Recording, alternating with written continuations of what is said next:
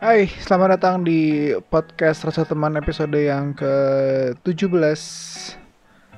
um, Setelah kemarin sempat skip satu episode Kayaknya gue harus mulai menjaga lagi untuk rutin seminggu sekali. Karena ya sayang aja udah hampir mau ke episode yang ke-20 Tapi kalau nggak konsisten kan sayang aja gitu kayak nanggung gitu kan.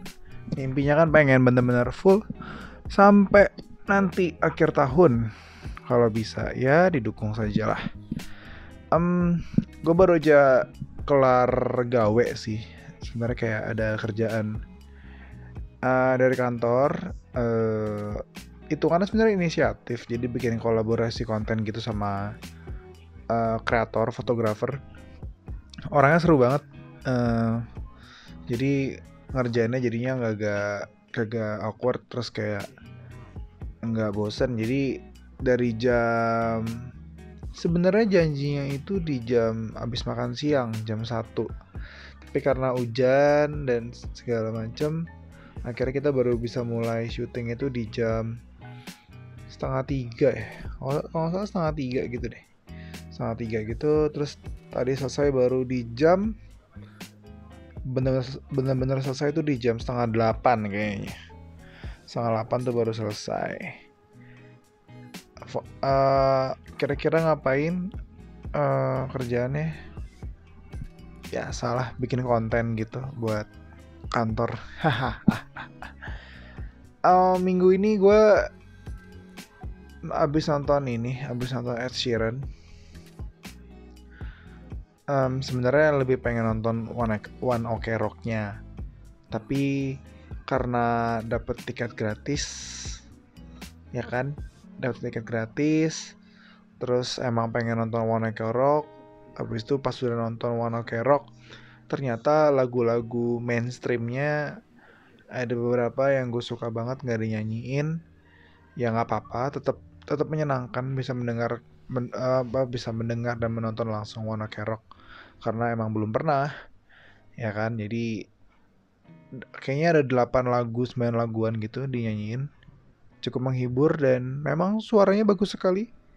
Uh, sama saja dengan apa yang kita dengar atau gue dengar di Spotify. Terus Ed Sheeran juga ternyata emang sekeren itu untuk seorang one man show yang dia tidak punya apa namanya basis drummer atau apa pun dia nggak punya. Dia cuman dia loopernya dia alatnya dia gitu sama satu lagi tuh kayak cuman alat kayak apa namanya sin synthesizer synthesizer gitu deh kayak nggak salah. Cuman untuk lagu cuman untuk lagu Shape of You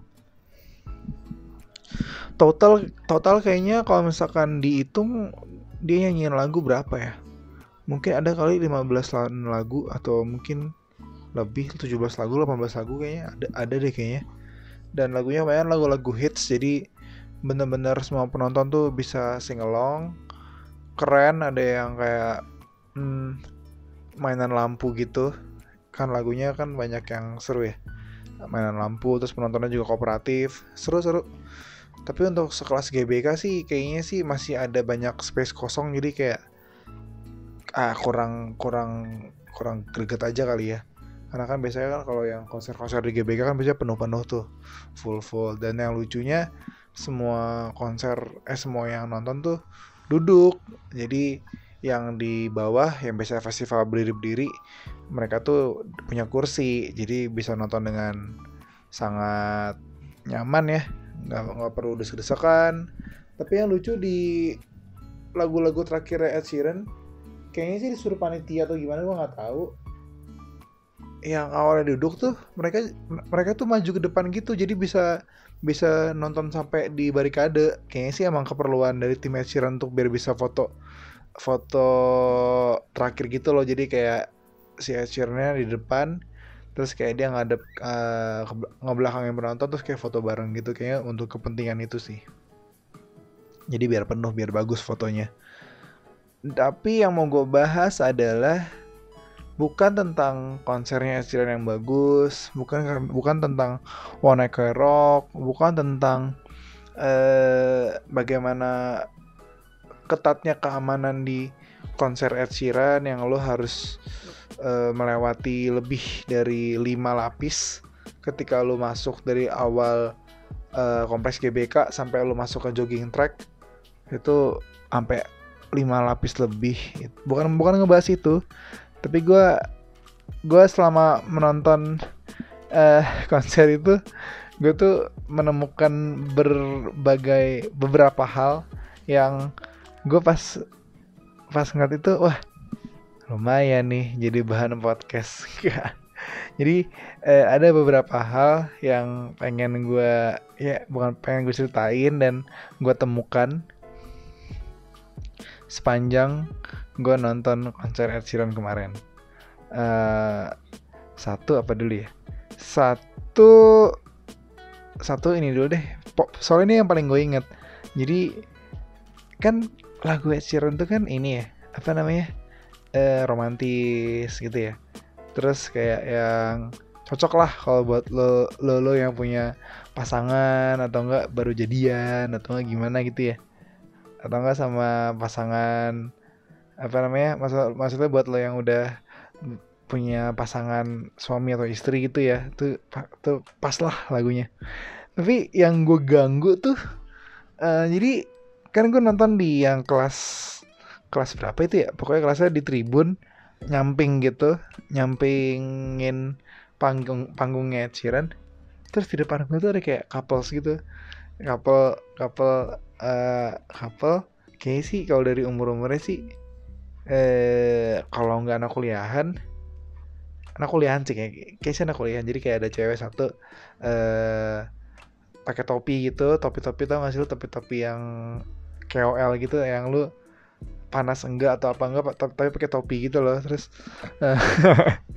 terus yang yang cowoknya tuh kayak ya udah biasa aja kayak cowok-cowok yang gak sih kalau yang kalau di Instagram tuh ada cewek cakep uh, Chinese uh, putih gitu ya terus yang punya cowok tapi mukanya kayak gitu. Duh gue gak enak ngomongnya. Ya gitu deh pokoknya pokoknya gitu. Nggak nggak ada masalah dengan muka atau apa pun nggak ada masalah tapi si si cowoknya ini uh, pas lagu-lagu romantis tuh kayak mencoba eh ayo dong ini kan momen kita. Kita harus romantis dong dengan lagu ini segala macem. Tapi kayak nanggung tuh gak sih lo? Kayak pengen meluk tapi kayak nggak mau meluk. Pengen pegang pengen maksudnya pengen meluk megang gitu megang bahu gitu. Ragu takut mungkin ditampar apa gimana nggak ngerti. Padahal pasangannya sendiri ya.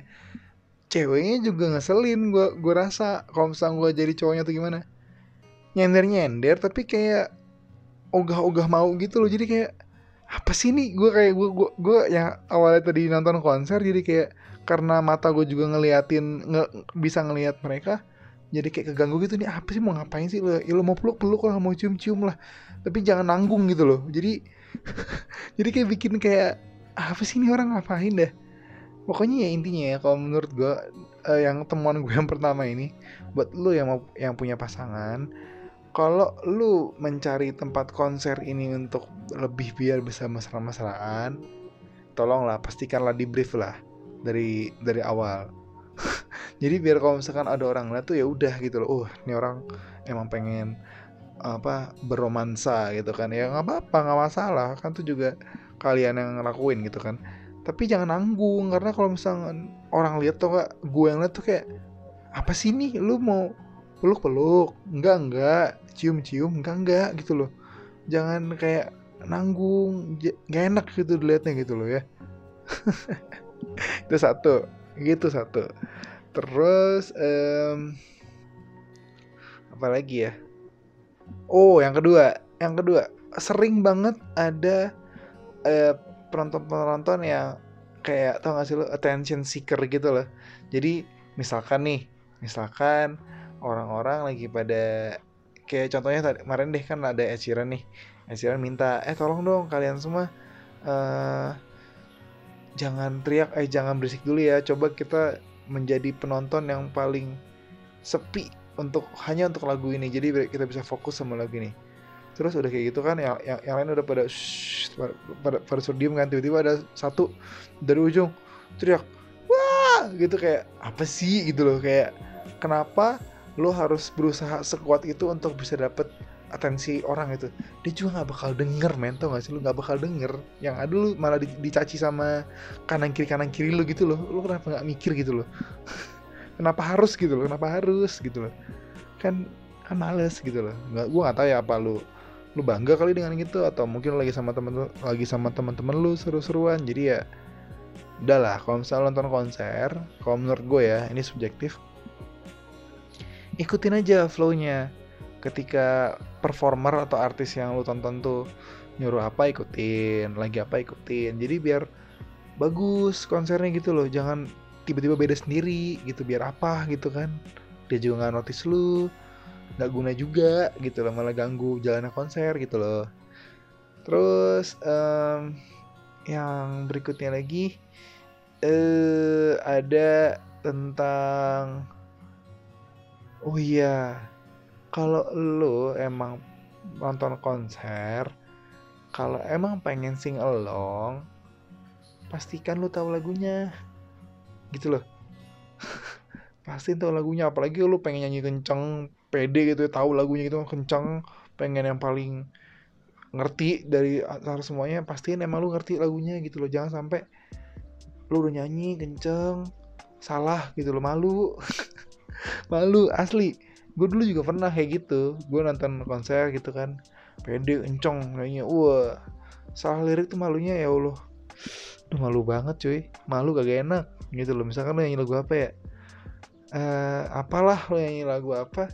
Harus liriknya B gitu kan. Tiba-tiba lu cek sendiri kan kayak uh, uh, sorry sorry sorry sorry. Lu langsung kayak keringet dingin gitu kan. Atau kalau misalnya lo orangnya emang kebel sih ya udah aja sih eh gitu um, apalagi? Soalnya banyak banget tuh gue ngeliat kanan kiri gue Misalnya segampang ini deh segampang kayaknya lagu uh, perfect. Itu kan tuh lagu yang semua orang sering dengar ya? Eh, tahu baby ya nah nah nah nah, nah. itu tuh ada aja yang kayak dancing ada yang salah gitu kan. Ini kenapa gitu? Ya nggak apa-apa sih. Kan namanya juga orang nikmatin konser kan tapi ya ganggu aja kalau lagi kedengeran. Eh terus apa lagi ya? Uh, oh iya kenapa sih kalau di konser tuh selalu ada yang uh, dia tuh di posisi yang jauh gitu sama artisnya. Jadi kemungkinan suara lo terdengar tuh hampir tidak ada gitu loh hampir kayak satu persen gitu. Yang denger juga pasti orang lain lagi dan fansnya juga gitu loh tapi lu berusaha keras teriak sekencang mungkin gitu loh untuk kayak manggil Hajaran ah, ah. tapi lu tahu lu tahu itu nggak bakal kedengeran sama dia gitu kenapa lu masih harus berusaha sih. Ya mungkin kalau misalkan gue balikin ke gue gue juga kayak gitu. Misalnya gue nonton kemarin deh gue nonton Twice. Gue di festival cukup di depan. Gue akan teriak ketika orang yang gue suka member yang gue suka tuh lagi lewat. Jadi kayak gue teriak tuh sekencang mungkin karena gue masih berpikir nyampe nih suara gue masih nyampe ke dia. Gue gak tau bener apa nggak nyampe atau tapi secara logika gue ini masih nyampe. Tapi apakah gue nanti ketika gue nonton kayak gue nonton Blackpink gue tuh kan di belakang banget. Belakang duduk. Terus buat apa gue manggil dia gitu lah paling ujung ujung ujung ujung ujungnya gue tuh cuman kayak ya tepuk tangan kayak wuh keren Jisoo Lisa wuh. Tapi nggak nggak ada kayak usaha untuk memanggil karena gue tahu. Ya nggak bakal juga nggak bakal kedengeran juga kecuali nanti kayak Blackpinknya kayak ayo panggil nama kami. Ya itu baru gue teriak lah karena kan ya tadi yang di awal ikutin aja alur konser itu kayak gimana. Jadi kalau misalnya disuruh teriak teriak kalau enggak ya enggak tepuk tangan tepuk tangan nyalain lampu HP nyalain lampu HP gitu loh. Jadi ya berkoordinasi dengan baik aja sih dengan konser artis dan teman-teman penonton lainnya gitu loh. Terus um, apa lagi ya? Uh, oh iya wah ini lucu banget sih. Ini lucu banget. Uh, jadi gue nemuin pas uh, gue lupa antara gue selesai konser atau pas mau masuk atau mau masuk ke stadion ya percaya atau tidak ada ibu-ibu gitu nonton Sheeran pakai seragam dong. Jadi kayak baju kembaran gitu waduh kocak banget sih. Gue nggak tahu apakah mereka emang seniat itu kayak kayak sih niat ya. Jadi kayak bajunya tuh di print sendiri ada ada kayak muka Ed Sheerannya gue gue ngeliat belakangnya kayak gimana tapi kayak ada sekumpulan ibu-ibu itu kayak berlima atau berenam gitu punya baju barang-barang itu kembar. Tuh lucu banget sih kocak tapi ya gue nggak tahu ya di stadion kayak gimana. Tapi kalau misalnya mau gitu doang sih menurut gue nggak apa-apa. Tapi gue menemukan itu ya itu lucu aja. Ternyata ada gitu ibu-ibu. Terus kayak bikin baju untuk nonton konser bareng-bareng. Waktu kocak sih. Lucu sih tapi salut. Tapi salut. Berarti ibu itu sangat mengikuti zaman ya lagu-lagunya segala macam um, terus apa lagi ya ya so far itu sih. So far itu sih yang gue temuin di konser. Jadi uh, ya kesimpulannya sih sederhana. Uh, kalau lu mau nonton konser uh, ini tips dari gue aja ya. Satu jika lu ingin merekam uh, konser yang lu tonton melalui Instagram mau bikin video dan akan lu mau post please jangan sing along juga pas lagi ngerekam. Percayalah nanti lu lu, lu sendiri lu sendiri yang akan ilfil. Pas lagi ngeplay ya suara gue ngapain sih? Gitu loh. Karena ganggu. Lu nanti nggak bisa dengerin yang lagi lu rekam tuh kayak gimana. Jadi pasti kalau lagi ngerekam yang ngerekam kalau lagi pengen singelong lu turunin handphone lu lu singelong lah gitu. Terus um, bersiap aja kalau misalkan ada kanan kiri lo yang uh, sering improve lebih improve daripada penyanyi sendiri. Misalnya yang lagu apa gitu kan tiba-tiba nggak ada howo howo tiba-tiba dia bikin sendiri howo howo nggak ada. Padahal padahal nggak ada tuh di lagu itu tapi dia improve sendiri tuh kayak ya please lah. Kalau misalnya lo punya teman kayak gitu boleh nggak kayak eh bro boleh nggak? Kita duduknya bedaan dikit ya ya kita sama-sama enak lo bisa nikmatin konser gue juga bisa gitu loh. Karena kadang-kadang improve itu ganggu gitu loh. Karena artisnya aja nggak improve kenapa lo yang nonton improve gitu loh. Kayak gue nggak menemukan kenapa alasan kuatnya gitu kenapa pas nonton konser penyanyinya nggak improve tapi lo improve. Apakah ada kewajiban penonton menyanyi dengan improvisasi ya harusnya penyanyi aja dong yang kita tonton dia improve mau apa juga ya dia kan memberikan pertunjukan. Kenapa harus kita juga yang improvisasi? Yang konser juga mereka bukan kita. Kan gitu. Um, terus berikutnya lagi kalau nonton konser. Um, apa lagi ya? Ya itu kalau misalnya lo pengen singelong pastiin lagunya tahu. Pastiin uh, jangan sampai salah lirik. Malu soalnya terus pastiin apa lagi ya? Ya pastiin uh, ya itu aja sih. Oh sama yang tadi sih kalau misalnya lo bawa pasangan ya jelas aja lah lo kalian tuh pengen nonton konser atau apa. Dan kalau emang pengen mesra mesra mesra kalau bisa total gitu sekalian jangan nanggung. Karena kalau dilihat tuh gak enak buat asli. Kalau gua rekam misalnya gua temuin nih orang yang orang yang kemarin tuh gue tunjukin gitu kan dia pasti kayak oh iya ya nanggung juga gue ngapain kayak gitu ya? Nggak enak dilihat gitu loh gitu. Um, ya kurang lebihnya tentang Ed Sheeran kemarin kayak gitu sih. Uh, nggak ada lagi sih. Dan di kemarin tuh ada merchandise-nya Ed Sheeran dan One One Ok Rock kan ya. Sebenarnya pengen gue sebenarnya gue pengen beli tuh tapi harganya mahal cuy. Gila sweater tuh 850 ribu. Kan pusing ya? Mahal banget. Jadi gue nggak beli deh dan oh iya satu lagi nih. Ini cukup serius cie gitu cukup serius. Tapi jika ada promotor-promotor nih yang pengen bikin konser di GBK boleh nggak sih dipikirin untuk alur masuk keluar mobil atau kendaraan lainnya? Karena selalu loh kalau ada konser di GBK tuh pasti selalu macet dan tuh macetnya udah, kelihatan pasti yang di depan FX dan sekitarnya gitu loh. Kenapa sih nggak dibikin alurnya biar keluarnya tuh rapi biar nggak macet-macetan? Kan setahu gue pintu GBK tuh banyak ya. Ada beberapa. Boleh nggak sih diputer gitu? Jadi biar biar rapi biar bisa keluar semua tuh dengan nyaman. Lu bayangin lah gue ngeliat story ya ada yang teman gue yang bawa mobil atau enggak naik grab bisa dua jam dong dari GBK untuk keluar baru nyampe di daerah ta Taman Puring. Kan ngaco. Terus sampai gue pas lagi nunggu grab di depan Senayan City ada bule nanya ke gue dia nanya eh gue mau ke Jalan Jaksa gimana ya? Jalan Jaksa kan sebenarnya sebenarnya gue nggak nggak tahu-tahu banget di mana ya.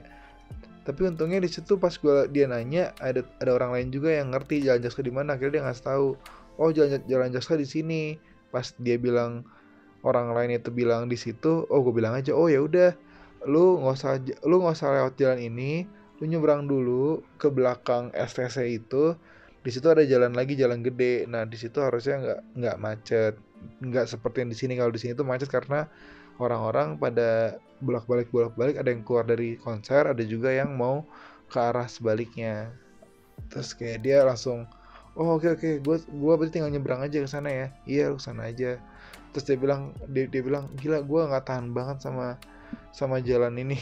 Jalannya aneh banget gitu gitu lah. Dia dia ternyata kayaknya baru berapa lama ya di Indonesia ya? Jadi dia dia mungkin kaget gitu loh.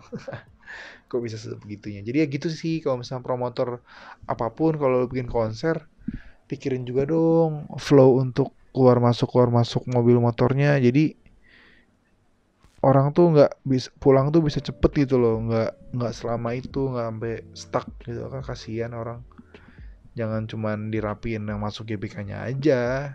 Di dibikin dong A sampai Z-nya kayak gimana gitu loh. Kan nanti biar pada nyaman juga semuanya. Terus um, Ed Sheeran ada lagi nggak ya yang pengen gue ceritain? Kayaknya enggak sih kayaknya udah paling yang menarik lagi di Ed itu ternyata gue kayaknya udah pernah lihat sebenarnya uh, lagunya Justin Bieber yang Love Yourself tuh uh, komposernya atau enggak yang ngebuat itu ada ada namanya Ed jadi kayak gue pas denger dia pengen nyanyiin lagu itu ya kan? Ya, dia kan ngomong gini gue pengen nyanyiin lagu yang memang bukan gue yang bawain tapi udah jadi hit gitu kan. Terus dia pas nyanyi oh ini lagunya Justin Bieber tapi gue juga ingat gitu loh waktu itu gue pernah ngeliat apa uh, siapa yang ngebuat lagunya John eh John Mayer. Ya yang nyanyiin lagu yang Justin Bieber nyanyi lagu Love Yourself itu salah satu pengarangnya tuh ya si Ed Sheeran. Jadi gue kaget gak kaget sih kagetnya cuman kayak eh iya nih oh iya ya bener-bener nih Ed Sheeran yang uh, buat lagunya gitu terus yang menarik lagi di akhir show si Ed Sheeran ganti baju terus dia pakai jersey Indonesia yang putih yang away. Dan mungkin mungkin ya gue nggak tahu. Karena katanya kata promotornya konsep itu Ed Sheeran konser lagi di stadium gue rasa dia melakukan hal yang sama di, di tiap negara. Jadi dia di tiap negara tuh mungkin selalu menggunakan jersey tim nasionalnya sebagai penutup dari konser. Dan yang dan yang spesial ternyata di Indonesia ini adalah konser terakhir atau konser penutup untuk tour Asia nya dia. Jadi ya cukup spesial lah ya uh, Jakarta untuk Ed Sheeran karena menjadi apa penutup konsernya rangkaian turnya Ed Sheeran. Ed Sheeran kayak udah gitu aja. Terus apalagi ya? Paling cuman ada sedikit obrolan tentang Avengers Endgame kali ya? Perlu nggak ya? Tapi takutnya nanti pas gue ngomongin ini ada yang belum nonton. Karena sebenarnya gue nggak suka sama orang spoiler. Berarti gue nggak boleh spoiler dong. Ya paling gue cuma ngasih tau gini aja deh. Setelah nonton Endgame uh, gue jadi pengen banget ngelihat next MCU bakal mengangkat apa bakal kayak gimana diangkatnya apakah akan ada kelanjutannya? Atau akan lebih banyak uh, superhero superhero lain yang belum pernah diangkat akan diangkat lagi? Uh, terus setelahnya uh, angka 3000 3000 itu akan menjadi berbeda setelah nanti lo menonton Avengers uh, Endgame terus um, apa lagi ya? Uh, filmnya bagus filmnya menarik. Tiga jam gue nggak nggak bosan nggak berasa. Seru. Dan yang belum nonton ya nonton aja deh. Jangan sampai nggak nonton. Apalagi kalau lu yang emang suka dan ngikutin nonton eh dan ikutin film Avengers dan Marvel Cinematic Universe. Jadi nonton aja, nonton aja deh. Siapa tau kalian kan bukan orang-orang yang pengen nonton pas rame-rame ya. Tapi ya gue sih pengen nonton lebih cepat karena biar kalau misalnya nanti udah banyak spoiler gue udah kebal aja sih karena udah nonton. Karena waktu gue belum nonton itu baru dua hari aja udah ada aja tuh yang ngarah-ngarah ke spoiler-spoiler yang lebih mengesalkan gitu loh um, apa lagi ya? Udah sih kayaknya ya. Kayaknya udah. Uh, buat kalian yang akan memulai ibadah puasa di tanggal 6 di mana podcast ini akan mengudara selamat menjalankan ibadah puasa.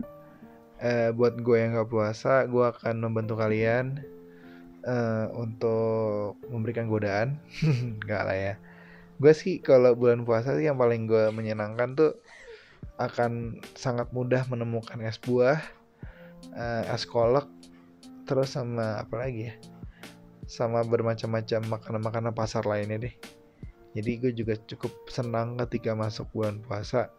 Cuman nggak senangnya cuman kalau ngomongin kerjaan aja karena kebetulan kantor gue kalau bulan puasa tuh bulan di mana penentuan gitulah. Ya gitulah.